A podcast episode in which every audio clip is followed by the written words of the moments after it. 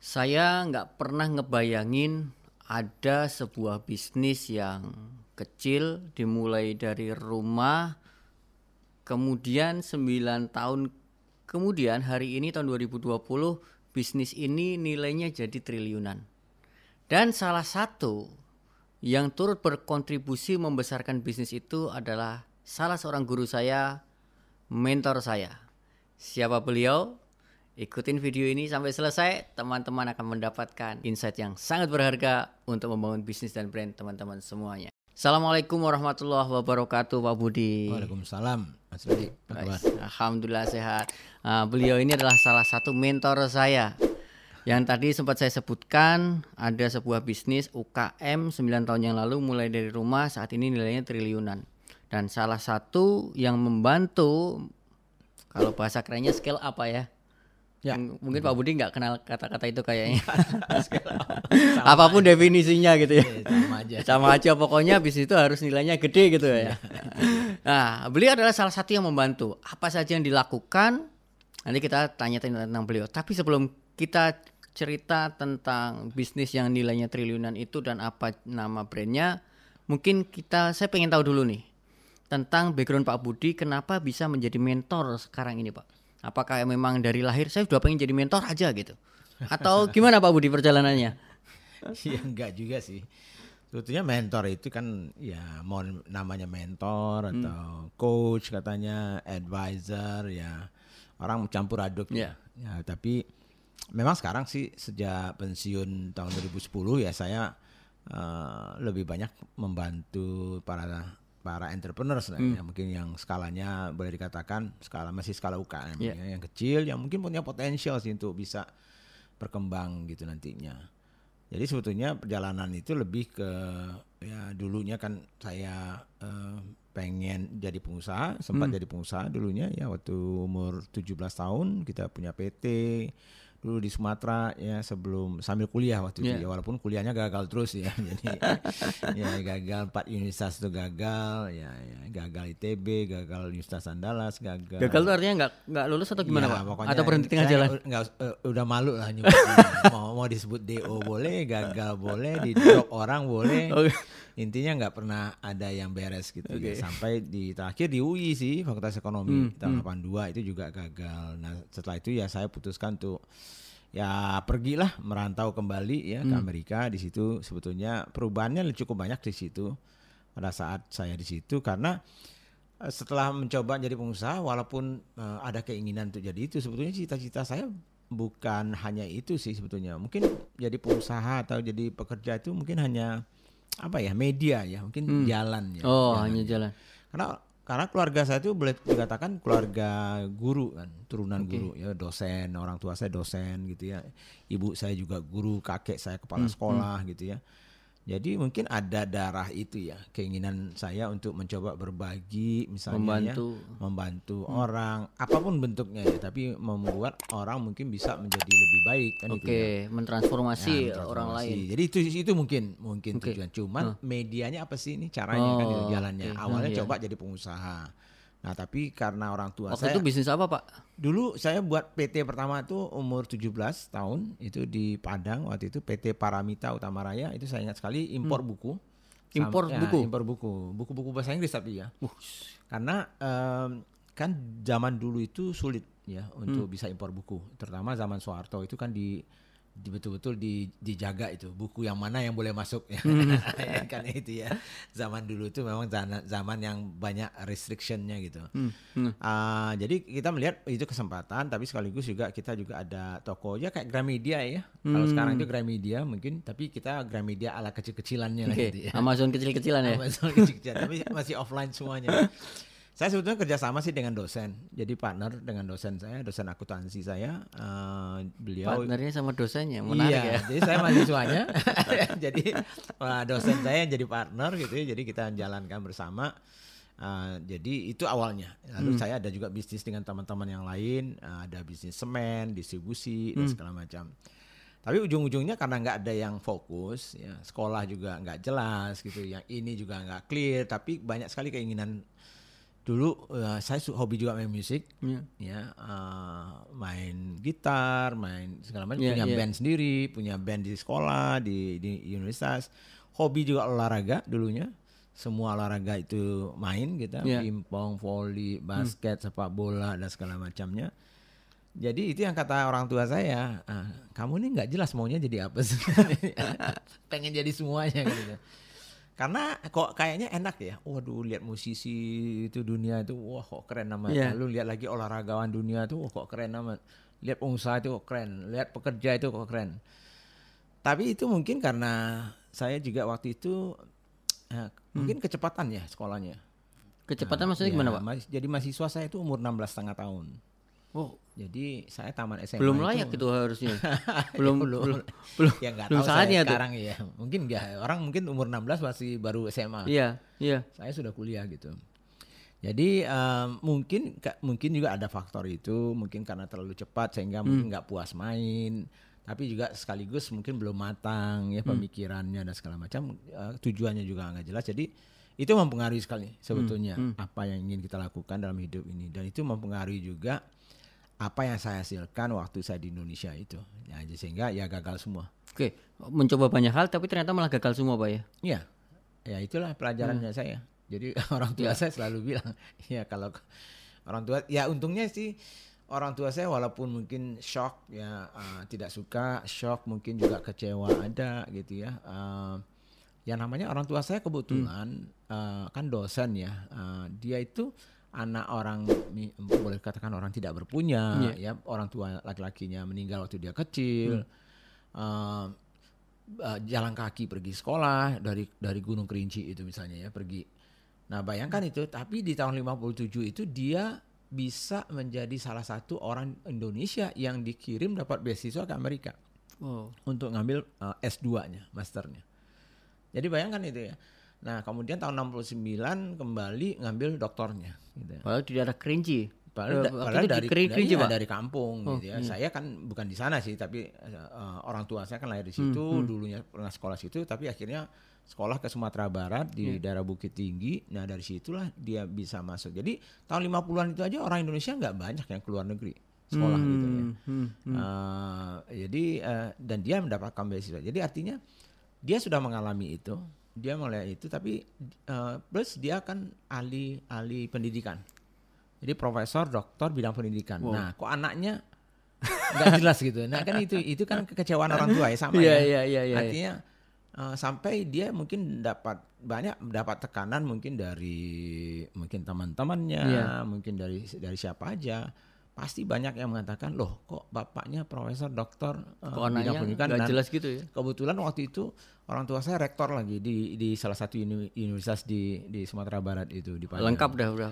Nah udah habis itu kan namanya kan. Uh, uh, jadi saya itu ikut merusak jadinya kan itu. Nah itulah akhirnya waktu di Jakarta itu juga saya pikir wah ini mungkin karena masuk UI mungkin saya bisa lebih serius Iya. gitu ya. Kan nggak gampang ya masuk Fakultas Ekonomi Iya. UI ya. Apalagi zaman Soeharto itu dulu mungkin menteri-menteri ekonominya hampir semuanya dari UI dari Fakultas Ekonomi UI. Tapi ya itu ya tetap aja karena nggak ada fokus karena Hmm. mau mencoba melakukan semua. Waktu di Jakarta bisnis apa itu, Pak? Atau eh, melakukan hal yang Ya, lain juga? eh, bisnis saya yang lama masih ada ya, tapi ya kembali ya fokus nggak ada segala Hmm, macam. Eh, jadi akhirnya ya karena gagal juga saya juga akhirnya ya udahlah mungkin mungkin nggak cocok mungkin ya. Iya. Eh, mungkin juga pergaulan saya yang nggak cocok, mungkin lingkungan saya nggak cocok. Ya ada kesempatan untuk saya pergi ke Amerika em, apa pun ya hasil jual akhirnya bisnis kita kita sudah kita saya tidak bisnis lagi. Saya pengen coba juga menyenangkan hati orang tua ya kembali sekolah lagi tapi nggak jelas mau sekolahnya di mana ya tapi saya pikir mungkin kalau di Amerika mungkin lebih tepat gitu ya karena saya pernah waktu kecil di sana dulunya Eh, tetapi eh, waktu orang tua ya. Tapi setelah saya balik ke situ ya, ya awal-awalnya sangat sulit ya untuk bisa menerima saya sekolah di situ karena ya nilainya jelek kita DO terus. Habis itu eh, mau masuk universitas di Amerika Oh, lagi kan iya. gitu. Nah tapi ya alhamdulillah ya nah, pendek kata saya bisa masuk eh, walaupun waktu itu percobaan di awalnya akhirnya saya bisa membuktikan. Eh, pada saat itu kalau salah tahun 85 itulah mungkin saya melakukan istilahnya itu shifting ya, da mindset ya, shifting Hmm. mindset. Kemudian mungkin Usia berapa itu, Pak? itu usia berapa ya waktu itu 20 berarti berapa itu 23 23 ya. Usia 23 itu saya mengulangi kembali ya sekolah saya S1 lagi, Pak ya. S1 lagi ya. Berarti Sekarang S1-nya sudah tujuh kalau- tahun loh di Indonesia S1-nya nggak selesai-selesai gitu. Itu kalau boleh eh, itu S1 sampai berapa kali S1, Pak? Nah, empat kali, lima kali. Oh, lima kali S1 nggak ada yang selesai. S1 lima kali.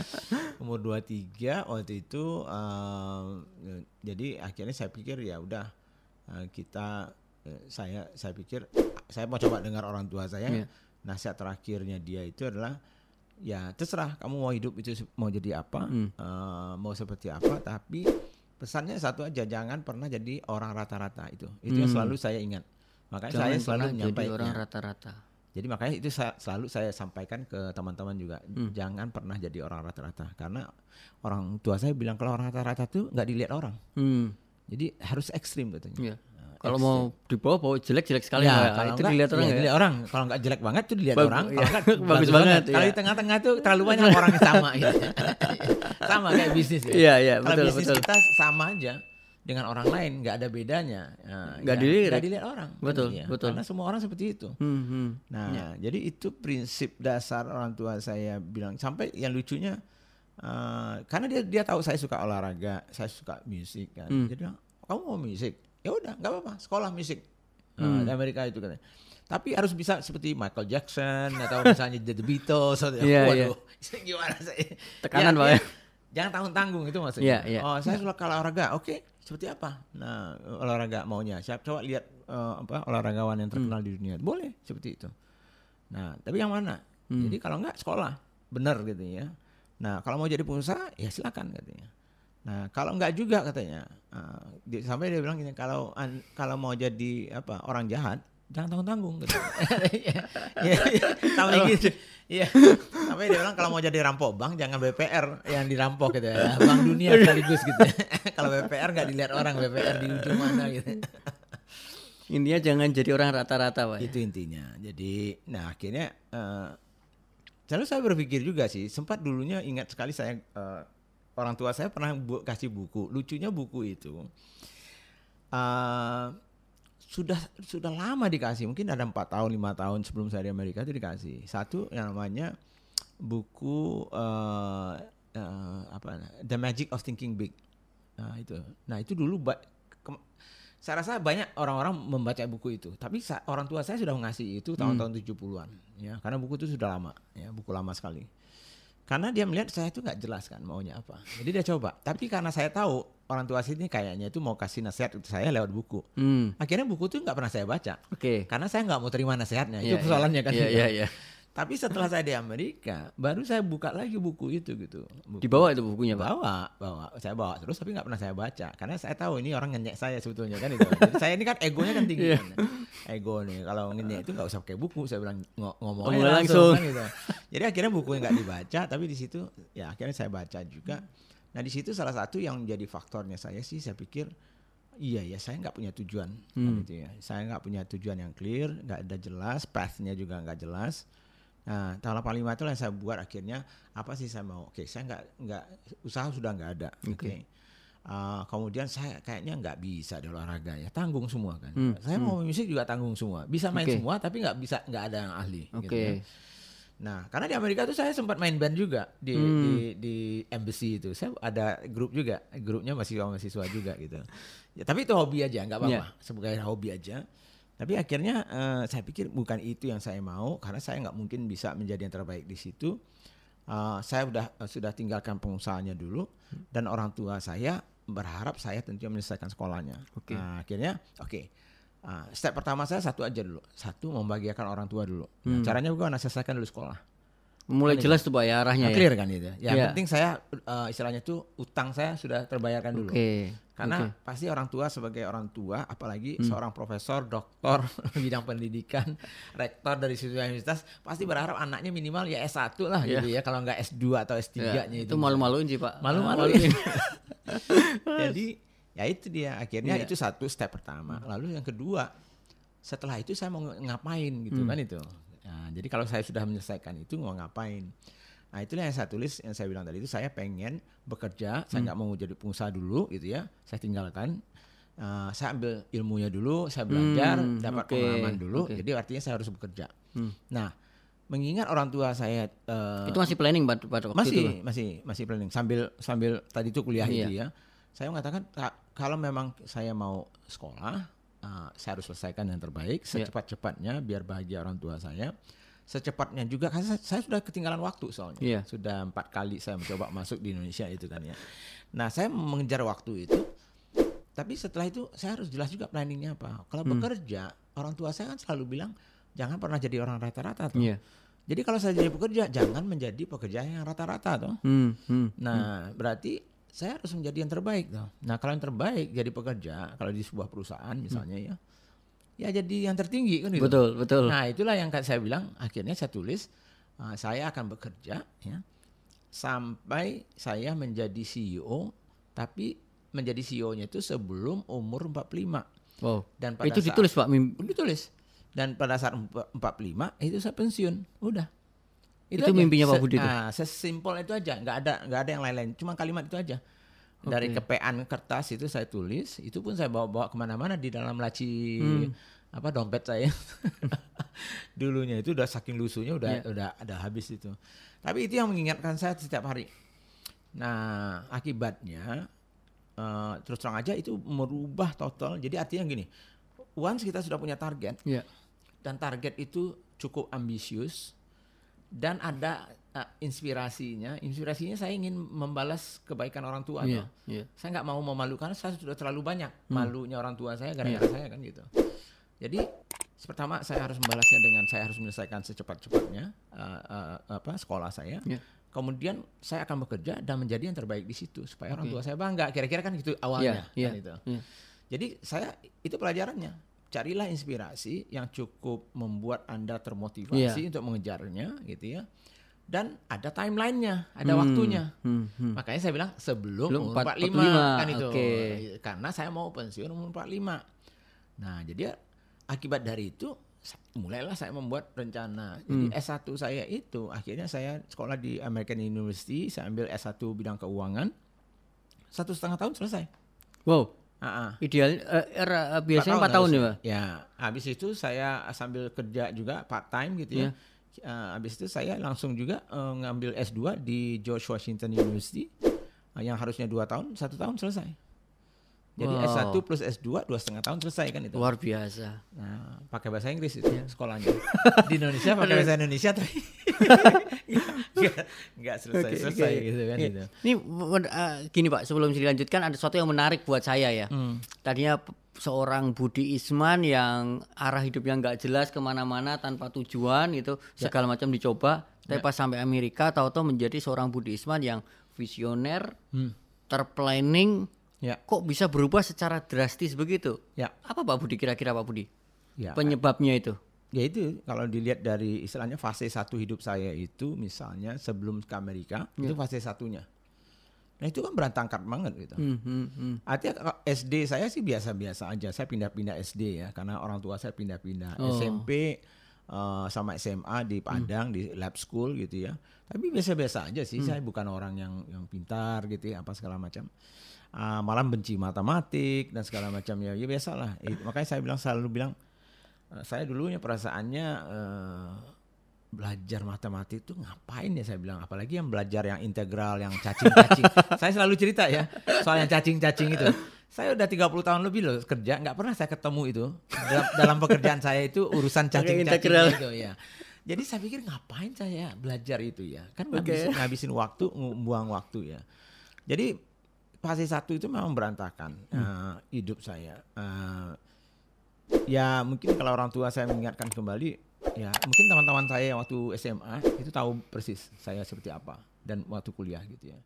Eh, hobinya ya be- be- berorganisasi senat eh, ikut demo berantem eh, masuk kantor polisi keluar kantor polisi gitu ya Ya. Eh, dan segala macam itu intinya Itu parah parahnya nggak nanggung-nanggung juga sih Pak itu Pak. Iya itu dia makanya saya bilang jadi itulah yang membuat saya akhirnya jadi ya malu juga ya karena orang tua saya yang menanggung sebetulnya eh, apa namanya itu eh, rasa kecewanya Iya, kan. iya. Nah, pada saat di Amerika itu mungkin yang mem- me- yang membuat saya betul-betul klik itu berubah itu satu tadi itu eh, akhirnya saya mau memba- mau membaca buku, Buku yang itu. dikasih orang tua saya itu satu. Yang kedua, saya melihat orang tua saya sudah berkorban terlalu banyak gitu untuk saya sampai dia meninggalkan semua eh, kegiatannya yang harusnya dia bisa eh, lebih maju lagi karena ingin mendukung saya gitu ya. Eh, jadi akhirnya terlalu banyak saya rasakan. Eh, plus setelah sampai di, di Amerika pun saya ketemu juga kebetulan calon istri saya waktu itu ya sekarang istri saya eh, itu juga membuat eh, lebih anu ya eh, kadang-kadang tanggung jawab itu menjadi lebih tinggi ya. Hmm. Banyak orang yang waktu dulu sebelum menikah mungkin nggak pernah punya tanggung jawab, tapi begitu dia menikah uh, mungkin Rasa punya anak itu muncul ya? langsung muncul. Jadi mungkin itu juga membantu. Oke. Saya tidak ada tidak mungkin tidak ada satu yang persis gitu ya Hmm. uh, triggernya, tapi yang sudah pasti triggernya bagi saya adalah saya harus membuat orang tua saya bangga. Oke. Ya, karena kekecewaannya sudah terlalu banyak. Itu kekuatan yang luar biasa ya. Nah, itu yang tapi yang ya, Pak Budi sampaikan inspirasi itu tadi ya, Betul. pendorongnya. Tapi kembali kan yang yang yang bagi saya yang membantu itu saya bisa sebetulnya membuat target dan uh, purpose istilahnya ya Iya. tujuan hidup yang memang bisa menginspirasi saya setiap saat Hmm. gitu. Nah itulah fase kedua saya. Jadi fase satu tadi sebelum ke Amerika, fase kedua saya itu uh, kuliah kembali Iya. menyelesaikan dan uh, saya kerja. Ya saya setelah selesai di Amerika kan saya kerja di uh, Amerika. Kerja di Amerika uh, ya? Di perusahaan minyak, mobil oil. Nah kebetulan mereka yang minta uh, saya untuk Hmm. uh, bekerja di situ. Akhirnya saya kerja. Um, itu pengalaman pertama ya, ya mulai dari bawah, ya, ya mulai dari, Hmm. Dari bawah. apa itu, Pak? Dari mulai uh, uh, apa namanya ya, asisten administrasi, Hmm. clerical gitu ya. Uh, um, dulu lucunya gini, saya S1 keuangan, lalu S2 saya bidang organisasi, lalu mereka taruh saya ada waktu itu project yang namanya uh, project New Vision namanya, New Hmm. Vision. Jadi ada perubahan uh, struktur organisasi uh, mobil oil di Amerika. Uh, saya ikut terlibat membantunya, tapi terlibatnya ya dalam kelasnya administratif itu uh, menyusun uh, training program Iya, untuk uh, buda- uh, perubahan-perubahan budaya, ya menyusun program untuk karyawan yang uh, yang harus berubah, misalnya fungsinya dan segala macam itu awal-awalnya. Uh, mm, mm, kemudian ya biasalah uh, sangat standar kalau di sini mungkin apa namanya operator lah kayak gitu ya Bagian awalnya. umum. bagian umum ya uh, ya administratif banget lah Iya, Uh, iya. mencatat siapa yang masuk kelas ini berapa orang Hmm, jumlahnya kelasnya jalan atau tidak awalnya sih gitu ya tapi setelah itu dipindah-pindah gitu ya ya alhamdulillah saya juga um, karena tadi itu sudah ada goals Iya, Ya. menjadi CEO. Nah, sudah, mulai hitung saya itu. Umur segitu, umur sekian saya harus punya waktu sekian Hmm. tahun kan untuk capai situ. Iya. Nah, jadi waktu itu terakhir kalau nggak salah itu saya uh, harus kembali ke Indonesia itu pertama uh, desakan dari Pak Susilo Sudarman waktu itu dubesnya kita di Indonesia, eh Indonesia di Amerika. Mereka, dia kumpulkan kita, suruh kita pulang semua orang Indonesia di situ supaya membangun Indonesia. waktu Hmm. Oke. itu. Nah kebetulan juga dia, di mobil oil saya waktu itu mau ditaruh di Nigeria, di Hmm. Nigeria di Afrika. Jadi saya pikir ya udahlah lebih bagus mungkin saya Kalian pindah, aja. pindah ke Indonesia aja. Nah istri saya juga nggak ada masalah. Akhirnya kami ke Indonesia balik.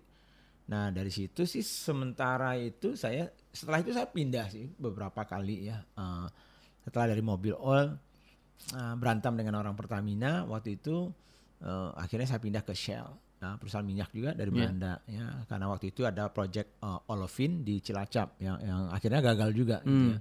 Nah setelah gagal di situ Jadi apa itu Pak di Shell? Udah jadi di CEO Pak? Shell belum belum saya masih manajer waktu itu ya.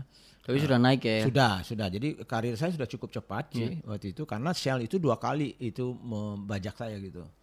Saya nggak pernah melamar kerja, Dodi. Oh, dari awal Pak? Eh, Dari semenjak yang awal. pertama? Tidak, tidak pernah. Oh, oke. pernah. Hanya sekali aja waktu di mobil oil itu. Oh, waktu pertama dan, itu dan ya di itu mobil pun oil. saya hanya menyampaikan ke mereka saya sudah selesai sekolah saya. Jadi kalau kalau nggak ada kerjaan di sini saya akan kerja ke tempat lain saya bilang. Oh, nah, ada di sini katanya. ya udah.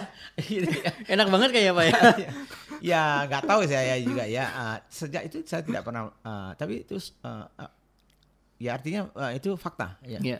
Fakta saya tidak pernah melamar uh, bekerja di uh, di di mana pun s- uh, hanya yang pertama itu aja dan itu pun hanya menginformasikan saya sudah selesai sekolah. Iya, iya. Kalau mereka ada kerjaan saya akan kerja di situ, kalau enggak saya akan kerja tempat lain. Jadi makanya waktu saya di Shell pun dua kali dia mereka uh, me, apa uh, me- ya bolak-balik lah meminta saya stay di situ. Uh, sehingga ya uh, saya di, di- di- kita ada kelompok namanya kelompok high flyer namanya itu ya uh, Di Shell. di Shell itu sea level jadi banyak itu teman-teman saya ada beberapa orang saya ingat sekali ada ada Dani Subrata David Hillman ada beberapa lah ya ini kelompok-kelompok yang diharapkan oleh Shell itu nantinya suatu saat menjadi direksi dari Oh. Shell atau CEO-nya dan itu bukan hanya untuk di Indonesia di seluruh dunia gitu Memang mereka berarti udah kaderisasi ya? sudah, sudah. Jadi perusahaan-perusahaan besar itu sudah punya kaderisasi Oh, itu. Di mobil oil juga begitu. Jadi mereka akan cari itu orang-orang yang yang punya potensi potensi itu, ya. makanya mereka bajak. Hmm. Ya itu, oke. mereka bajak. Jadi kita ada lima orang kelompok. Waktu itu saya ingat sekali eh, eh, itu salah dan Subrata itu juga salah satu investor di di UKM kita. Oh. ya karena sudah ketemu waktu itu Iya, udah lama iya, nggak iya. ketemu lagi ya kita sama-sama Uh, dia waktu itu sempat juga waktu di Shell itu dia dia lama kerja di London Hmm. kita kirim di London kerja Uh, saya sempat juga bolak-balik ke Den Haag gitu ya kemudian ada David Hillman ada macam-macam teman saya di situ ya sengaja kita putar-putar kirim ke dunia ke, ke London ke mungkin ke Belanda atau ke Amerika nanti balik lagi ke sini gitu Hmm. jadi ada kaderisasi gitu nantinya. Tapi itu kita sudah prediksi orang-orang ini yang suatu saat mungkin jadi direksi Oke. atau CEO-nya. Tergantung perjalanan. Iya, iya, iya. Nah, karena Shell di Indonesia itu mengecil waktu itu, eh, akhirnya kita kita eh, Shell memisahkan diri eh, Tahun berapa itu Pak sel di itu tahun Indonesia? 92. Berarti bukan pom sel pom bensin berarti. Belum, tapi yang membuat itu eh, visibility tadinya itu salah satunya ya saya ikut terlibat gitu. Oh, Ada visibility tadinya tahun 92. Iya. Baru dieksekusi kan baru-baru ini Pak, Iya, tahun makanya 2000-an itu. Visinya 20 tahun. Wow. Iya, segitu. Nah, ya visinya. Ya. itu karena kita sudah tahu suatu saat Indonesia itu tidak mungkin lagi Monopoli ya. eh, monopoli karena eh, pasti eh, nggak bisa mensubsidi terus.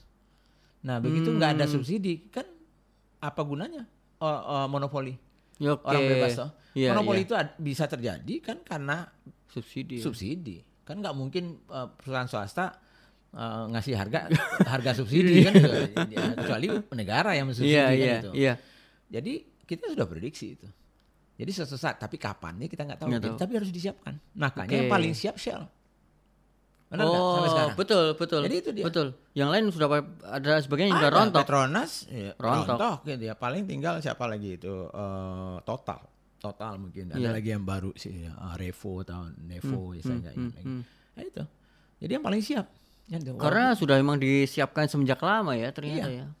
Jadi Oke. eh, saya ikut terlibat ya di kita tim kan tim ya ada Hmm. tim keuangannya, komersialnya, people-nya, macam itu ada di situ. tuh. Hmm, hmm. Ya jadi eh, akhirnya eh, yang eh, tambang dijual, chemical di spin off istilahnya. Jadi Hmm. Shell waktu itu pengen fokus hanya di energi aja di di exploration, production, energy.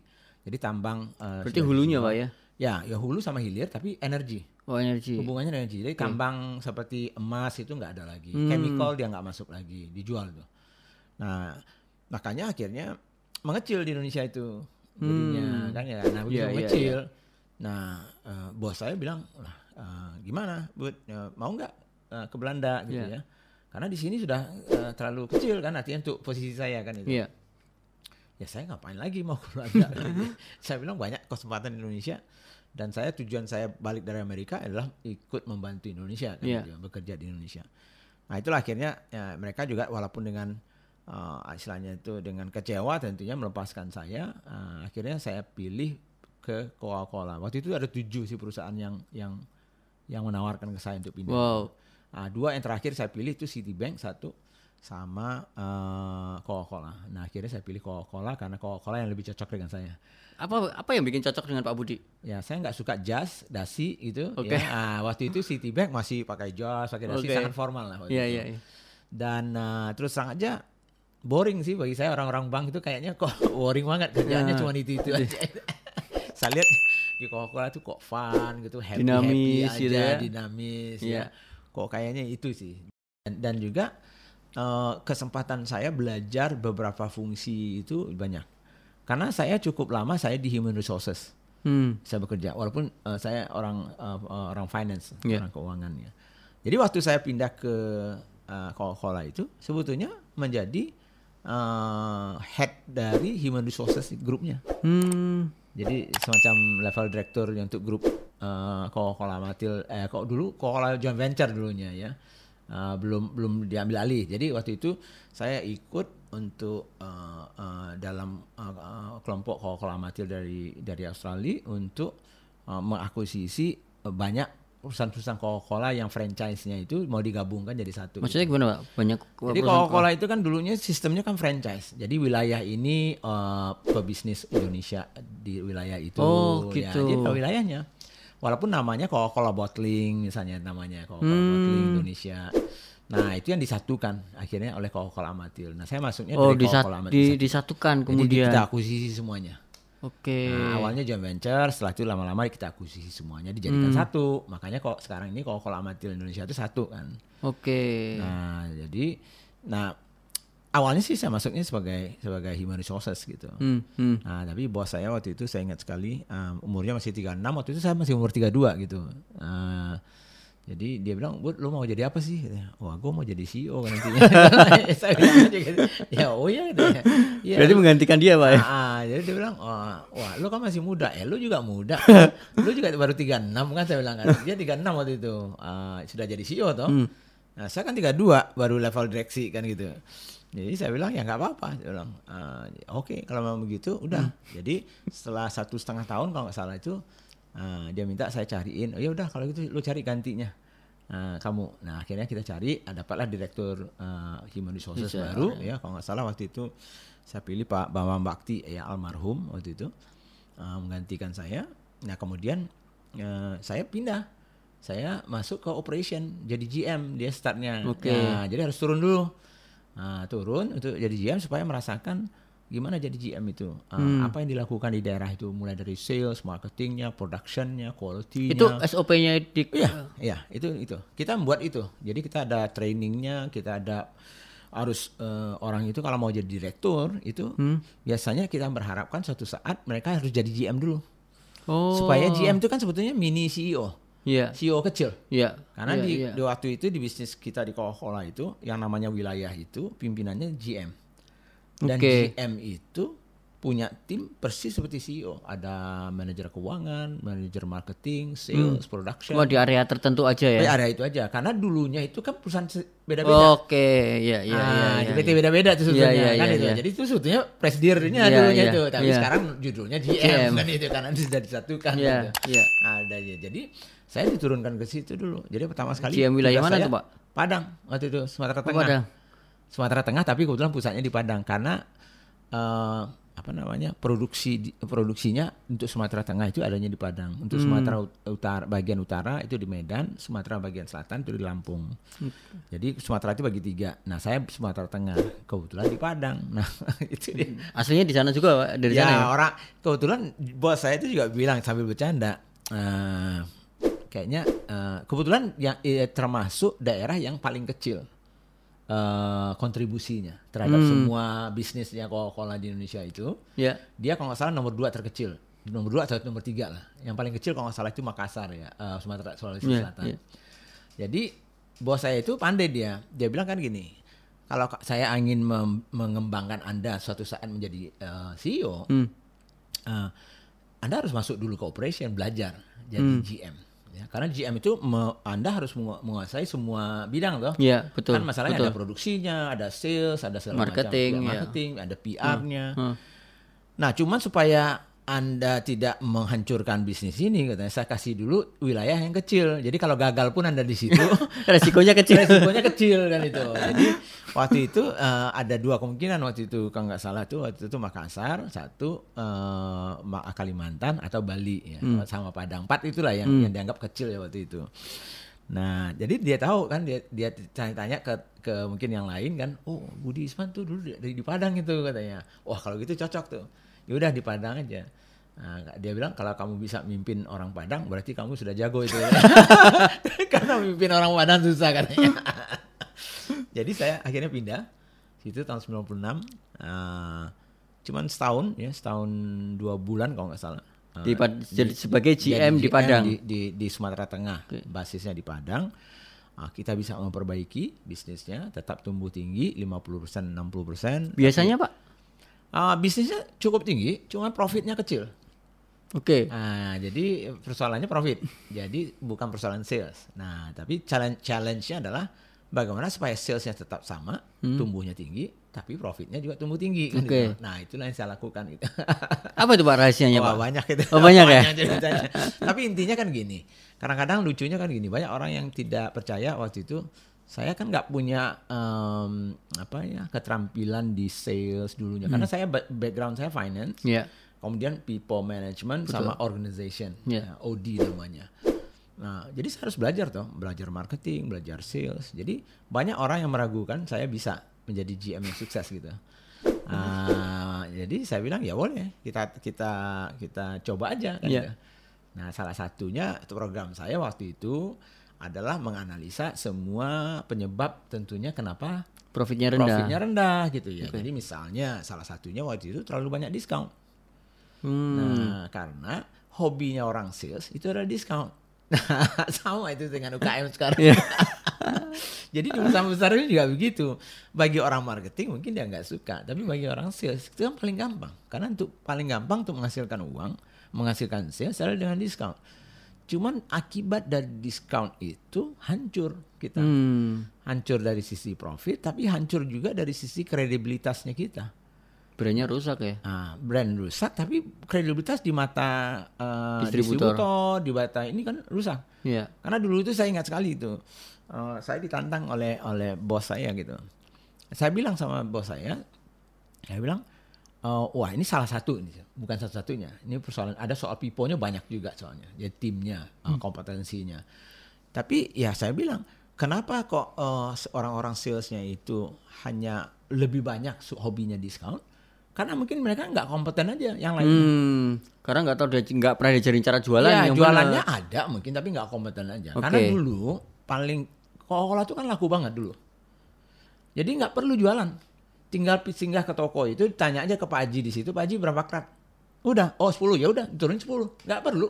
Oh, ada persuasi, ada uh, apa openingnya gitu ya, uh, nggak ada tuh. Karena brandnya udah jadi itu pak, karena udah ada, ada permintaan di nah, pasar. Karena itu makanya orang salesnya juga akhirnya tidak punya kompetensi untuk hmm. menjadi salesman murni. Makanya saya selalu mengatakan mereka ini cuma delivery, betul, betul. delivery man sebetulnya, bukan salesman. Nah itulah tugasnya kita waktu itu di Coca-Cola. Itulah salah satu program yang kita bangun juga untuk membangun kompetensi itu karena kita tahu masa depan hmm. itu begitu kompetisi masuk, betul. Begitu behavior dari uh, distributor sama uh, uh, toko-toko itu oh, berubah, hmm. itu nggak bisa lagi orang skills yang kayak gini. Cuma nganterin doang. Ya? Nganterin ya? doang nggak bisa iya. lagi betul-betul menjadi salesman yang hmm. yang hmm. yang jago gitu. Nah itu juga kita perbaiki. Dari itu berarti itu. dimulai dari Padang dulu Pak Budi ya? dari ya, Sumatera ya, karena kebetulan saya di situ ada kita juga sudah mulai saya sudah bangun uh, dengan tim di Jakarta waktu okay. itu ada malam ada Coca-Cola uh, University waktu itu di Cibitung hmm. ada kita bangun tempat pusat untuk tapi in actionnya uh, implementasi dan eksekusinya itu kan saya bisa lihat langsung toh hmm. kalau hmm. saya di di kantor pusat kan nggak bisa lihat langsung yeah, kan yeah. saya sebab yang akan mengeksekusi kan okay. GM-nya nah jadi ya itu itu akhirnya uh, ya itu salah satu yang diperbaiki dan juga saya lihat diskonnya itu ya tadi. Jadi uh, salesnya itu selalu gitu. Saya lihat kenapa um, minggu pertama kedua salesnya itu rendah sekali gitu. Tapi minggu ketiga dari bulan ini kan bulan itu biasanya empat empat minggu, minggu tuh ah, biasanya ah. misalnya ya. Jadi bulan uh, minggu satu nggak uh, bagus. Minggu dua nggak bagus. Minggu ketiga mulai naik minggu empat tuh naik. Tapi setelah setelah tutup buku bulan itu langsung lagi turun lagi. Balik lagi tidak hmm. bagus tidak bagus agak bagus naik lagi. Jadi kayak yoyo gitu. Nah, nah itu kan nggak bagus. Nah begitu kita lihat di mana oh ternyata setiap di ujung minggu keempat itu karena pengen mencapai target dan targetnya itu diberikan insentif setiap bulan maka program yang dibuat itu hanya diskon Kan gitu. Nah begitu diskon, kan tokonya menunggu. Belanja. Belanja banyak Iya, kan? betul. Nah tapi akibat belanja banyak, stoknya stoknya um, barang di toko itu kan banyak. Oh, Ya minggu depannya mereka nggak beli, lagi masih banyak. iya, Kan iya. tunggu iya. dulu susut tuh. Ya, makanya akan seperti itu terus tuh. Hmm. Karena permainan diskon. Nah itulah keberanian kita waktu itu saya didukung oleh presiden saya. Saya bilang saya minta waktu tiga bulan. Saya tidak akan berikan diskon sama sekali. Tapi pasti sales saya hancur saya bilang. Cuman berikan saya waktu saya bilang. Nah banyak teman-teman yang waktu itu mengatakan Pak kalau kita nggak kasih diskon hancur Pak. Karena karena toko-toko itu sudah tahu mereka akan tunggu diskon. Mereka nggak Oke, akan beli oke. karena sudah pasti ada diskon. Iya. Nah jadi lucunya Karena udah dididik ya. dididik toh. Nah, jadi jadi saya pergilah ke ke ke, ke wilayah-wilayah Iya, itu, iya. saya bicara dengan distributornya, saya pergi ke semua gitu ya, jalan, saya sampaikan ke mereka saya tidak akan kasih diskon. Nah, toko-toko itu jangan distributor juga bilang, ah nggak mungkin katanya. Ini kan gaya-gayaan aja yang baru nih, GM nggak ngerti nih, nggak ngerti bisnis katanya. Jadi ya, mau bunuh diri nih, ya udah. Minggu pertama, eh, bulan pertama saya nggak kasih diskon, ya. Mereka nggak beli juga. Nah, ya mereka beli ya beli tapi maksudnya nggak beli seperti dulu lagi. gitu Oke, ya. Ya, sesuai aja dengan yang yang habis dia beli. Kalau enggak ya dia tetap. Jadi nggak bisa dipaksakan lagi. Tapi saya sudah tahu ya bulan dia sudah mengatakan ah saya tunggu diskon pasti nggak mungkin nggak begitu kepepet nih Pak Budi ini perlu perlu sales karena ada target Iya. pasti dia kasih diskon. Iya. Bulan kedua saya nggak kasih diskon lagi. Nah akhirnya mereka wah ini nggak ada nggak ada diskon tuh. Beneran Nah, ya? Beneran dong. Nah, tapi mereka nggak nggak- nggak yakin juga sampai bulan ketiga baru mereka yakin saya nggak main-main gitu. Nah, celakanya adalah ka- karena saya nggak pernah kasih diskon dan mereka juga membelinya sangat sedikit, lama-lama stok mereka itu hampir habis. Habis, betul. Dan padahal di banyak toko itu hampir 20 sampai 30 persen dari uh, jualannya mereka itu dari minuman. Keuntungan mereka itu. Coba lihat tuh warung itu. Yang mana yang paling banyak menghasilkan Minuman? Iya, kan itu. Jadi kalau nggak ada itu minuman itu menghasilkan dia, pasti dia pusing toh. Iya. Nah, lama-lama dia beli juga akhirnya. Nah, dengan tanpa diskon, mereka beli normal. Lucunya adalah sales saya makin lama makin baik, diskonnya tidak ada lagi, berarti cost saya berkurang. Betul. kan itu. Dan mereka akhirnya percaya bahwa saya, nah saya bilang, nah di- saya tambah lagi setelah itu, saya bilang gini sama eh, teman-teman itu, daripada saya kasih dulu tuh kalau nggak salah saya itu eh, 2000 satu krat itu diskonnya untuk untuk distributor atau Ya. gitu. Saya bilang ngapain dikasih diskon itu? Sekarang gini aja, kita nggak kasih diskon, biar aja, saya tanggung kalau salesnya turun. Tapi saya bilang, setiap anda bisa meyakinkan lagi itu, saya kasih seribu ini tuh. Jadi 2000 tadi di- Ya. biasanya dikasih ke orang nih. Sekarang dan 2000 itu saya kasih ke anda sebagai bonusnya. Tapi seribu lagi saya save untuk perusahaan, untuk menambah profitnya perusahaan kan gitu. Iya. Tapi nggak ada diskon, kan itu. Ah, jadi Oke. untuk si eh, si eh, karyawan itu insentif dia merasa bahwa dia harus bekerja keras Ya. karena ada tambahan insentif, Hmm. ya kan itu. Untuk si si si tokonya eh, lama-lama akhirnya dia percaya juga, oh kayak Nggak- ada main-main gitu ya? dan eh, ya produknya udah nggak ada lagi Betul, ya, betul. pasti dia beli kan gitu, nggak mungkin nggak gitu. Kalau Nah, nggak beli, i- nah, dia hilang omset tuh. omset toh eh, bisa 30 persen toh Iya. hilang omsetnya. Nah itulah contoh salah satu, misalnya dua itu aja kita perbaiki, belum banyak lagi yang Iya, lainnya tentunya. iya. Itu mengakibatkan waktu itu bisa kita tumbuh profit kita 80 persen gitu. Wow, profitnya tumbuh 80%. Ya, gitu. Nah Oke. akhirnya setelah satu tahun dua bulan waktu itu, eh, ya bos saya bilang ya cukup belajar katanya. Nah, sekarang saya kasih anda yang nomor dua terbesar di Indonesia katanya, ya Jawa Timur. Nah itulah saya ke Surabaya pindah. Oh, makanya kemarin yang cerita Ah, tentang betul, sudah gembira itu. Gitu. Jadi Oh, sejarahnya begitu. ya tahu pas lagi waktu uh, Krismon. mau Krismon itu tahun 97. Aduh. Itu menderita banget saya dua tahun itu. Tapi ya banyak sih ceritanya. Artinya waktu itu Jawa Timur juga uh, tanpa Krismon pun uh, kurang bagus uh, uh, situasinya, uh, profitnya, salesnya. Padahal dia nomor dua penyumbang terbesar selain dari Jakarta gitu ya, uh, wilayah DKI. Iya. Nah, akhirnya bos saya percaya, ya saya mampu untuk merubahnya. Ya akhirnya saya ditaruh di situ. Hmm, hmm. Nah, di situlah saya dua tahun, saya ajak teman-teman untuk bantu. Saya cari anak-anak muda yang betul-betul mau harakiri, bunuh-bunuhan dengan kita untuk mau berjuang bersama-sama gitu ya. Ah, ya sama sih prosesnya kita perbaiki semuanya itu ya people-nya, orangnya, organisasinya Wow. segala macamnya pas ada saat krisis itu eh, ya eh, cukup menderita juga kita tapi bisa bisa balik kita sehingga pada saat setelah dua tahun krisisnya sudah mulai mereda kita bisa kembali kalau nggak salah uh, salesnya tuh naik em, 24 persen kalau nggak salah, tapi profitnya bisa 280 persen. Wow. Nah, kembali gitu. Salesnya hanya naik 24%, tapi profitnya naik 200%. Ya betul, lebih dari Wah, 200 persen. Ini kalau kalau sebetulnya kalau ini bagian ini aja dibedah itu bisa dua jam mungkin panjang, itu dua Pak. ya. hari itu. Oh, shop, oh, shop sendiri itu. oh, shop sendiri. Pengalaman saya selama ini Iya. Uh, waktu di di tadi di Padang Hmm. maupun di di Jawa Timur, di Surabaya itu tidak ada satu elemen i- saja yang akan yang akan Menjadi membuat faktor pen- faktor penentu utama- penentu- berhasil iya. atau tidak Iya, berhasilnya iya. itu. Pasti semua elemen itu akan berhubungan. Betul, betul. nah makanya saya, selalu saya cerita ini kembali lagi ke Smart Business Map saya kan. Iya, ya. iya. Makanya Smart Business Map itu kan sebetulnya pengalaman-pengalaman saya dari dulu. betul. Hmm, hmm. Karena semua elemen itu akan berhubungan. Jadi Oke. kita utak-atik di sini tanpa mengutak-atik di tempat yang lain itu tidak akan optimal. Betul, betul, hasilnya. betul. Betul, betul. Nah, jadi dari situlah sebetulnya setelah berhasil di situ saya diajak kembali lagi ke Jakarta, ke Jakarta ke pusat. Eh, waktu saya saya menjadi eh, direktur Audi sekaligus jadi vice president Audi di situ. Eh, kemudian terakhir sebelum saya pensiun itu jadi direktur grup. Jadi semua Jadi direktur di Coca-Cola. dia direktur grupnya. Jadi eh, dulu sih level itu juga sih waktu saya masuk, tapi ini direktur grup di operation. Jadi semua operation itu di bawah saya kecuali Jakarta waktu itu. Dan sebetulnya sudah banyak jalur karir yang ingin ingin diberikan waktu itu oleh oleh Coca-Cola ke saya. Cuman nah itu tadi tuh masuknya. Kan saya ada timing dah, Dot. Iya. Kan saya bilang sebelum umur 45 itu saya harus jadi CEO, CEO. dan saya akan pensiun. Pensiun. Nah, waktu itu Usia berapa, Pak? Usia itu 40 enggak ya. 2004 itu berapa ya saya itu? 3940 ya, kalau nggak salah. 40 tahun. Ya. Berarti tinggal lima tahun lagi tuh ya. Ya, kan itu 3940 ya kalau nggak salah itu. Jadi saya waktu itu tinggal waktu eh, umur sekitar lima tahun lagi Iya. saya pikir ya. Jadi kalau saya di dalam lima tahun ini nggak bisa jadi CEO, berarti gagal saya. Ya kan itu. Karena sebelum umur 45 saya harus jadi CEO kan. Iya. Nah, Dan harus 45-nya harus pensiun. Nah, kalau bisa tentunya kalau jadi paling lambat kan umur 45. Iya. Berarti kalau saya umur 45 berarti lima tahun saya jadi CEO berarti umur 50, 50 saya pensiun. Tapi saya maunya kan umur umur 45 itu saya pensiun.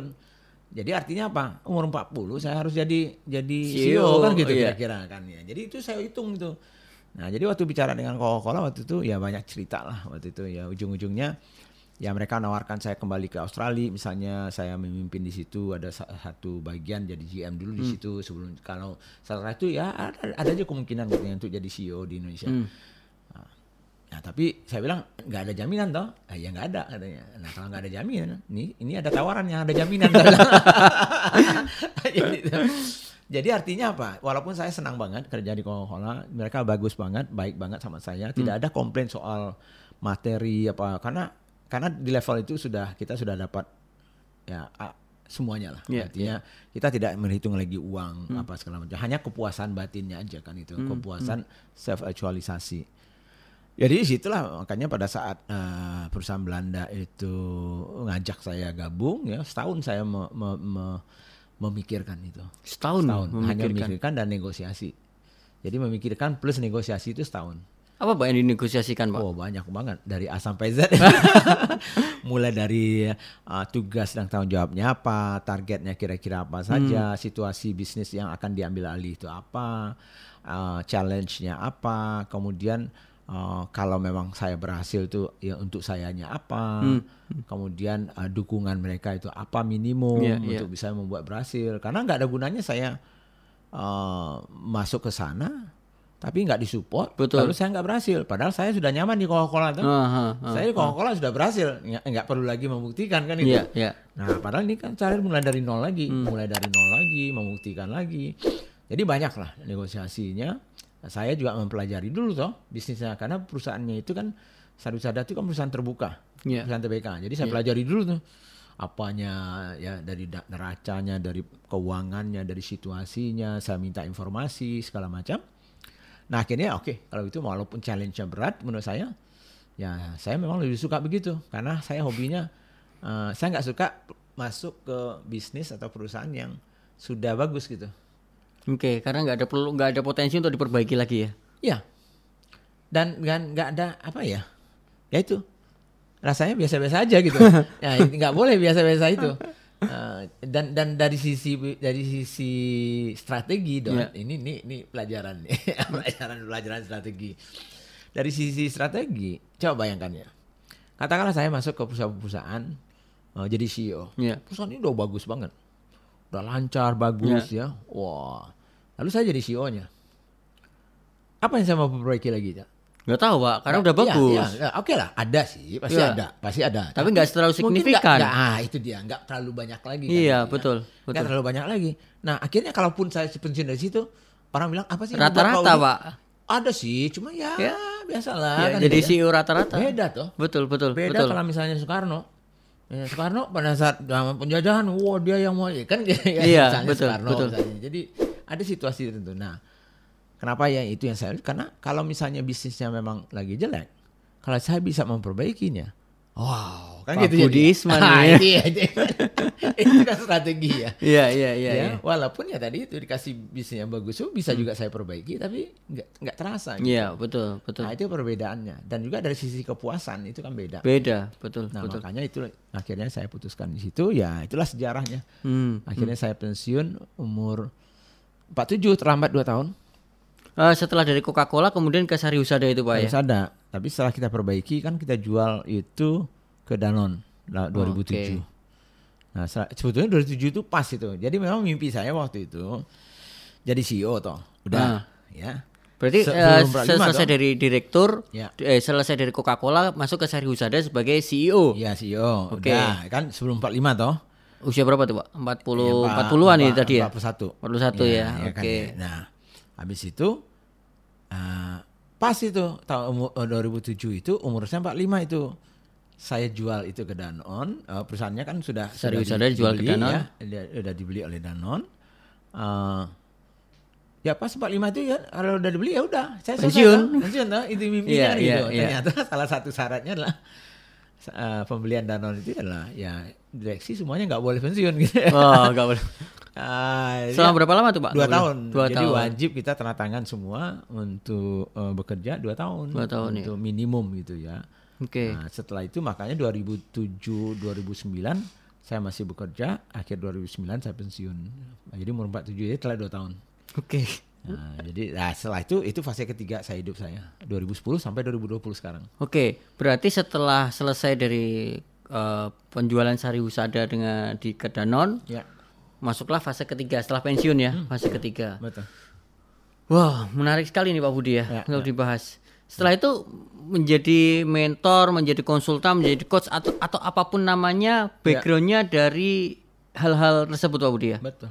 Ya sebetulnya kan eh, pada saat saya eh, pensiun itu saya sudah mimpi buat yayasan. Ya, saya buat yayasan namanya Yayasan Pro Indonesia. Ah, waktu itu saya ajak Om Bob Sadino, Pak Mazuki Usman, eh, Pak Mugianto, banyak lainnya untuk mensupport gitu ya. Iya. Ah, eh, yang paling besar program kita adalah pemberdayaan masyarakat melalui wirausaha. Oke. Jadi pengembangan wirausaha sebetulnya. Nah di situlah saya mulai mencari-cari teman anak-anak muda yang mau mensupport dan membangun. Nah itulah ketemu saya Yuzak, ada Ismail, ada Salman, ada banyak lagi ya, Bio segala macam. Mereka lah embrionya awalnya karena saya nggak bisa sendirian tuh. Iya. Nah di situlah kita mulai membangun konsep SBM dan segala macamnya karena kalau kita mau mengembangkan ini secara cepat dan massal harus punya konsep Betul, betul. ya nggak bisa eh, ad hoc semuanya kan gitu ya tailor made semua nggak bisa gitu. jadi harus industri kan itu Iya, ya. jadi iya. bagaimana caranya dibuatlah eh, pola Po- bagaimana pola. mengajarkan Betul. bisnis ini dengan baik itulah smart business map itu Oke. nah baru kita baru kita push itu ke daerah-daerah itu tahun 2013 Oke, berarti di- eh, dimulai dari tahun 2010 ketika Pak Budi Ya, itu pensiun, ya. Pensiunnya, betul Oke, kemudian merumuskan pengalaman-pengalamannya Pak Budi selama berapa tahun berarti itu Pak? ya hampir 25 tahun waktu itu Hampir 25 tahun memperbaiki bisnis yang tadinya di Ya, bawah bisa menjadi lebih baik, jauh lebih baik daripada sebelumnya. Ya. Pengalaman-pengalaman itu artinya kan penga- eh, kalau kita hanya bercerita pengalaman kan belum tentu orang lain bisa melakukan Ya. hal yang sama gitu seperti yang tadi Pak Budi sampaikan. Supaya ini lebih masif, supaya lebih mudah dipelajari oleh oleh teman-teman yang lain, maka dibuatlah sebuah pola. ya Pola itu yang hari ini disebut dengan Smart Business Map. Ya, betul, betul. Kalau teman-teman pengen belajar tentang Smart Business Map ini gimana Pak Budi caranya Pak Budi? Ya sebetulnya sih sekarang ya saya tidak ada lagi eh, tapi nggak tahu teman-teman SBM Pro Indonesia Iya. ya nantinya tapi sekarang ini adanya di Business ID ya Di business.id, ya oke. itu e-course ya E-course. jadi silakan masuk ke situ download aplikasinya atau ke www.business.id bisa ya di Instagramnya juga bisa lihat Ah, karena saya pengen lebih masa lagi Hmm. nah kenapa awalnya kan kita offline semua Ya. Di 30 kota. Betul. Oh, saya pergi dengan Yuzak dengan teman-teman bantu saya. Iya. Pingsan-pingsan loh. Yuzak itu aja hampir pingsan itu kalau nggak salah di Padang sama Pekanbaru masuk rumah sakit karena stres gitu ya. Iya, iya. Jalan terus ya. Pengen membantu teman-teman ini gitu, ngajar terus ya offline tuh capek dia pindah-pindah Iya, kota iya. ya.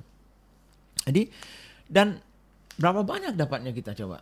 Paling satu satu kota eh, setahun kita cuma 50 orang 50 dapatnya, orang, misalnya karena kita juga subsidi toh. Hmm. Jadi pertama nggak mampu untuk mensubsidi terlalu banyak gitu ya. Jadi subsidi kita bisa sampai 2 sampai 3 M se- setahun kan. Tahun. Oke. Eh, walaupun mereka membayar juga gitu. Karena biayanya kan lebih besar dari itu. Betul, Ya. betul. Nah, jadi eh, akhirnya saya bilang ya mungkin kita harus mau online kan gitu Hmm. pemikirannya itu. Karena kalau di online itu ya semua di mana pun saja kita nggak perlu lagi datang ke sana. Betul, Orang betul, bisa belajar kapan saja, di mana saja, Betul. dengan harga yang lebih murah kan gitu. Karena biayanya eh, boleh dikatakan kecil sekali Iya, kan ya. Sebab program saya itu memang eh, dari dulu berbayar. Karena Hmm. saya nggak mau nggak berbayar. Karena kalau nggak berbayar nggak ada komitmen. Betul, betul. Dan itu banyak Sepakat, sekali saya sepakat, lihat sepakat. ya. Banyak sekali saya lihat program pemerintah. Ya itu lucu aja tuh. Saya di Bandung saya ingat sekali program dengan Coca-Cola waktu itu kita bantu Coca-Cola. Pemberdayaan UKM Ya kalau ada UKM itu. Nah, tanya, tuh ada Taufan, ada Yuzak juga, Ferdi juga Hmm. ada itu. Kita coba buatkan program. Nah lucunya kita pergi tuh ke UKM-UKM tuh. Ini ada loh, kita ada program pelatihan ini segala macam kita siapkan loh ada tempatnya, ada makannya di situ nantinya. Anda dapat ilmu ini nanti bisa digunakan untuk memperbaiki bisnis dan segala Iya. macam. Jawaban mereka apa? Eh, ada uang transportasi nggak? ada uang anunya nggak? Uang lelahnya nggak? Ada uang pengganti kami nggak duduk di toko kami nggak nantinya? Astagfirullahaladzim. Itu. Nah kenapa begitu? Karena pemerintah melakukan hal itu. Oke. Program pemerintah itu kalau UKM itu adakan training itu dikasih tuh dikasih eh, uang transport 100 ribu atau 50 ribu nanti pulang dikasih lagi duit gitu ya. Nah, Itu tidak mendidik sama sekali. betul, betul. Karena harusnya kan mereka yang harusnya mereka, Mereka bayar butuh. dong. Ini ilmu yang mahal. Iya, kan itu. betul. Mahal orang bayar. Kok ini dikasih gratis malah minta duit gitu. nah itu yang saya bilang wah ini nggak rusak nggak bisa. Jadi saya bilang nggak. Walaupun bagaimanapun juga ya kita usahakan kita subsidi tetap separuh. Jadi dulu itu saya ingat saya awal awalnya 500 ribu Hmm, ya bayarnya. Kosnya waktu itu satu juta.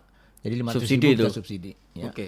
Nombok Nah, tuh ya, setelah- Pak ya, ya? nombok. Nah, setelah itu naik karena memang biaya naik 750, kita kita nombok 750.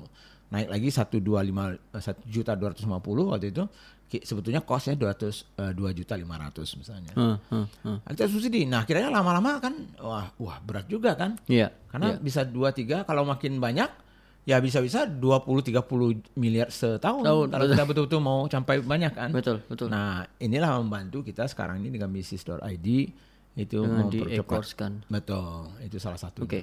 Ini terakhir Pak Budi, sebelum Ya. kita membahas tadi tentang bisnis rumahan yang kemudian jadi triliunan gitu. Ya. Tapi ini karena udah panjang banget, kayaknya kita sambung lain waktu aja deh Pak Oke. bahas yang iya, tentang iya. tentang bisnis itu. Tapi sebelum saya tutup nih Pak di sesi ini. Ya. Eh, teman-teman mungkin ada yang mikir nih, pengalaman Pak Budi adalah di bisnis-bisnis mungkin internasional dan multinasional company. Ya. Kemudian Pak Budi membuat polanya itu di Smart Business Map. Ya. Kemudian dari oh, teman-teman UKM yang masih baru mulai, apakah relate gitu Pak Ya. dengan eh, saya cuma jualan online gitu. Ya. Apakah saya bisa menggunakan Smart Business Map? Ya, ya. Menurut Pak Budi gimana Pak? Sangat bisa. Karena sangat bisa. Kenapa sangat bisa? Saya bilang gitu. Karena bisnis itu prinsip dasarnya sama. Kan itu. Kalau kita pakai logika, Ya, yang namanya bisnis itu apa sih, Don? Apa Cari duit? Pak. Cari duit, oke. Cari Betul. apa? Profit. cari profit. Ya, kalau enggak bikin yayasan kita toh. Iya. kalau mau Kalau kalau nggak mau Ya. cari profit ya bikin yayasan aja. Ya. Itu minimal satu Iya. profit itu per- harus Oke. ada. Ya, Betul. walaupun tentunya ada misi yang lain, oke. Iya. Tapi katakanlah profit. Nah, pertanyaan saya adalah prof- profit itu datangnya dari mana? Sales Pak. Dari penjualan. Betul. Oke, omset lah istilahnya eh, UKM. Oke. Tapi omset omset aja kan bukan profit toh. Betul. Kan Betul. ada ada apa lagi? Cost. Biaya. Biaya. Jadi omset dikurangi biaya atau income dikurangi biaya Ya, sama dengan profit. sama dengan profit. Kenapa? Kalau income-nya lebih besar daripada Profitnya. profitnya. Eh, income lebih besar daripada costnya, biayanya. cost-nya. Kalau income-nya lebih kecil dari cost-nya, rugi toh. Rugi, betul. Jadi hanya tiga itu aja variabelnya toh. Betul, betul. Sebetulnya dua variabelnya, revenue sama cost. Cost, betul. Sebab profit itu adalah hasil. Betul. Hasil dari revenue Dikurangin. Dikurangi cost. Iya, iya, betul. Ah, apa pun hasilnya, ada profit atau tidak, itu dia. Betul. Jadi yang kita utak-atik apa?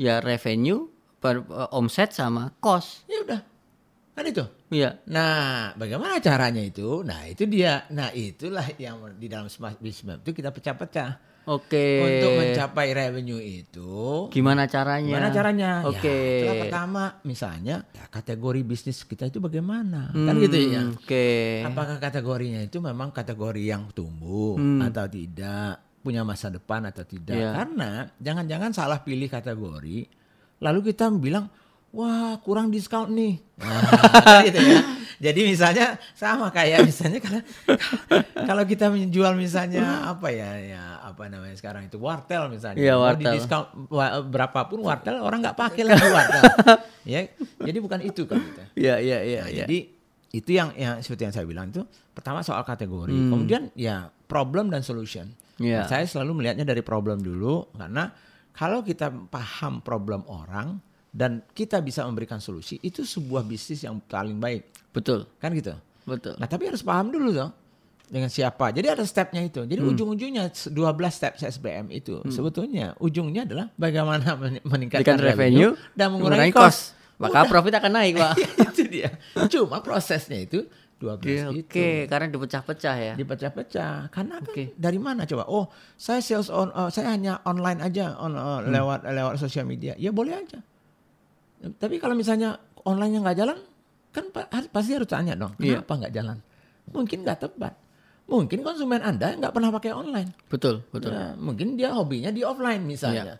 Cuman karena kita taunya cuma online, kita paksa-paksakan pakai Facebook Ads lah, Oke, bayar ini. betul. Makanya nggak jalan. Nggak jalan. Nah, kalau di situ kan pertanyaannya channel distribusi toh. Betul, betul. Nah, betul. how do you sell your product? Bagaimana Iya. caranya Anda punya channel distribusi yang tepat atau Iya. tidak yang betul, dilakukan? betul, betul.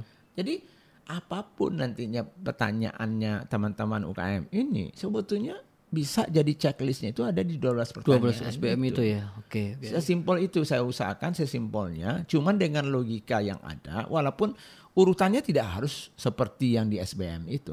Tapi S12 itu harus dijadi checklist. Hmm, oke oke oke. Itu. Apa yang Pak Budi sampaikan ini menarik nih Pak ah, tentang channel distribusi itu. Kalau memang produknya bisa jadi dari produknya sendiri sebetulnya tidak layak di online kan. Bisa jadi. Saya kemarin ada salah satu yang tanya, Mas saya jualan keripik. Ya. Saya tanya jualnya di mana? Di online. Ya. Saya tanya, kamu kapan beli terakhir? Kamu kapan pengen keripik? Saat pengen keripik? Ya. saat saya pengen nonton TV, saat, Ya. saat, saya, saat saya ketemu orang gitu. Betul. Kamu stok nggak? Saya nggak nyetok. Ya, betul. Terus kamu belinya di mana? Ya di toko. Ya. Artinya konsumen kan nggak mau itu beli keripik Betul. hari ini pesan baru tiga hari lagi nyampe padahal butuhnya sekarang gitu. Betul. Nah kadang-kadang teman-teman ini nggak mik pokoknya adanya Facebook Ads sama Instagram Ads atau online Ya. semuanya dianggap bisa di online kan Ya, gitu. betul. Jadi itu Cocok itu, ya, itu, ya itu betul ya ya fenomena. Ya, memang walaupun tentunya kita mengatakan digital dan online itu harus ada. betul Ya, betul Tapi harus ada itu bukan berarti semuanya harus seperti itu. betul betul. Itulah yang harus kita lihat tadi itu. Karena misalnya pemilihan channel distribusi misalnya, itu kan kalau kami dulu ya selalu memilih channel distribusi itu kita mengidentifikasi dulu setiap channel itu perilaku konsumen di situ itu apa. Hmm. Sehingga kita pilih yang tepat. Saya kan udah pernah cerita sama Dodi waktu soal Coca-Cola. Iya Kenapa misalnya di kios eh, eh, rokok nggak ada misalnya jualan eh, Kaleng. Coca-Cola yang yang PT 1 liter? ya betul. Karena bukan channelnya di situ, tuh channelnya itu harus di modern trade karena itu untuk home consumption untuk di Betul, rumah. betul. Sedangkan untuk di kios itu kita melakukan penelitian nih, orang ke kios tuh ngapain sih? Oke. Oh beli hal-hal yang yang mendesak. Atau kalaupun mau minum minum cepat. Hmm. Kan nggak ada orang di kios nongkrong lama-lama. Kalau haus dia pergi di situ numpang sebentar mungkin berapa menit. tuh- Jalan lagi. Sehingga nggak mungkin dong kita memberikan dia porsi yang besar. Betul. Tapi kalau di warung tempat makan, mungkin yang kita beli yang lebih besar. Karena orang untuk makan nggak cukup dengan botol yang kecil. Hmm. Jadi beda lagi produknya di situ misalnya. Jadi itu contohnya perilaku itu saja kita akan membuat channel itu bisa berbeda-beda. Beda-beda. Dan kemudian produknya pun jadi berbeda. Betul, cara melayani. Jadi bisa Oke. saja nantinya yang online tuh mungkin produknya berbeda. Hmm. Keripik misalnya, Ya. tapi keripik yang berbeda. Iya. Formatnya mungkin berbeda, Betul. harganya mungkin berbeda dengan yang di sini. Iya. Karena kita harus paham dulu orang ini belinya keripiknya bagaimana. Betul, Kan betul. gitu. Oke. Kan kalau keripik cuma 6000 dia harus nunggu dua hari. Ya, lalu plus misalnya itu saya Ongkos kirim. masuk ongkos kirimnya 16.000 gitu. Oke, ya, bener kan itu kan gitu. Nah, plus diskon lagi kan gitu. Ah, pakai diskon lagi. Jadi itu. Ya, ya, ya, ya. Jadi banyak sekali, banyak sekali. Hmm, Jadi itu itu yang harus di- dipelajari. Jadi, jadi saya selalu intinya begini. Belajarlah secara komprehensif. Jadi tidak sepotong-sepotong. Hmm. Jadi bukan hanya satu saja yang menyebabkan eh, ini bisa berhasil Betul, atau gagalnya. betul. Kalau ada masalah itu bukan satu itu aja persoalannya. Banyak lagi halnya kan gitu. Iya, iya, iya. Jadi makanya 12 pertanyaannya eh, SBM itu bagi saya itu adalah fundamental dasar untuk menjadi checklist. Bukan untuk menjadi solusi kita semuanya tidak. Hmm. Tapi minimal mem- membuka pemikiran kita. Ya. Oh ini ada checklist loh yang bisa kita pakai sebetulnya Oke. untuk mendiagnosa persoalannya kita. Oke, jadi artinya kalau teman-teman pengen belajar e-course dari eh, SBM ini Ya. bisa dipelajari secara online juga berarti Pak ya sekarang ya. Oke. Bisa. Dan dan dan untuk Ya. kelas SBM saya itu malah ada eh, apa tutorialnya men- mentoring Oh gitu ya? ya selama enam kali. Berapa tuh Pak harga Pak? Itu cuma 600 ribu. 600 ribu. Padahal kalau offline dulu 7 juta Pak ya? Iya. Tujuh Yang tujuh setengah juta ya? Bisa. Iya, ya itu dia. Saya bilang tadi, harganya pasti bisa murah kan gitu. Iya, iya. Padahal saya kasih juga itu mentoring dua jam, tapi grup ya. Iya. Ya, ya sama aja kalau di kelas on offline kan juga grup, ya. sama Ha, juga kan. Oke. Oke, teman-teman semuanya, ini sudah lama sekali kita diskusi dengan Pak Budi Isman. Kayaknya kita bahas yang triliunan ini kita tunda dulu deh, Pak. Ah. ini udah panjang banget nih Iya, kita betul. ngobrol nih, udah banyak banget. Jadi kalau boleh disimpulkan ternyata ketika kita membangun sebuah bisnis perkaranya cuma dua hal ternyata revenue dan cost saja ternyata. Mau diapa-apakan pun ya pokoknya kembalinya kedua ini. Gimana cara naikin revenue dan gimana cara nurunin cost. Betul. Pokoknya kalau salah satu ini bermasalah ya pasti otomatis bermasalah di profitnya. Betul. Betul. Ternyata sesimpel itu ya. iya, makanya anak SD bisa eh, bisa bisnis sebetulnya. Terima kasih banyak Pak Budi kasih, Isman Mas sudah mau nemenin saya ngobrol-ngobrol dan ini mau berbagi sesuatu yang bermanfaat buat teman-teman yang lain. Kita sambung lain waktu Pak Budi Siap. tentang membahas tentang bisnis yang triliunan. Teman-teman jangan lupa untuk subscribe dan bunyikan loncengnya untuk mendapatkan informasi-informasi dan ilmu-ilmu yang bermanfaat buat pengembangan bisnis dan brand teman-teman semuanya. Dari saya Assalamualaikum warahmatullahi wabarakatuh. Waalaikumsalam warahmatullahi wabarakatuh.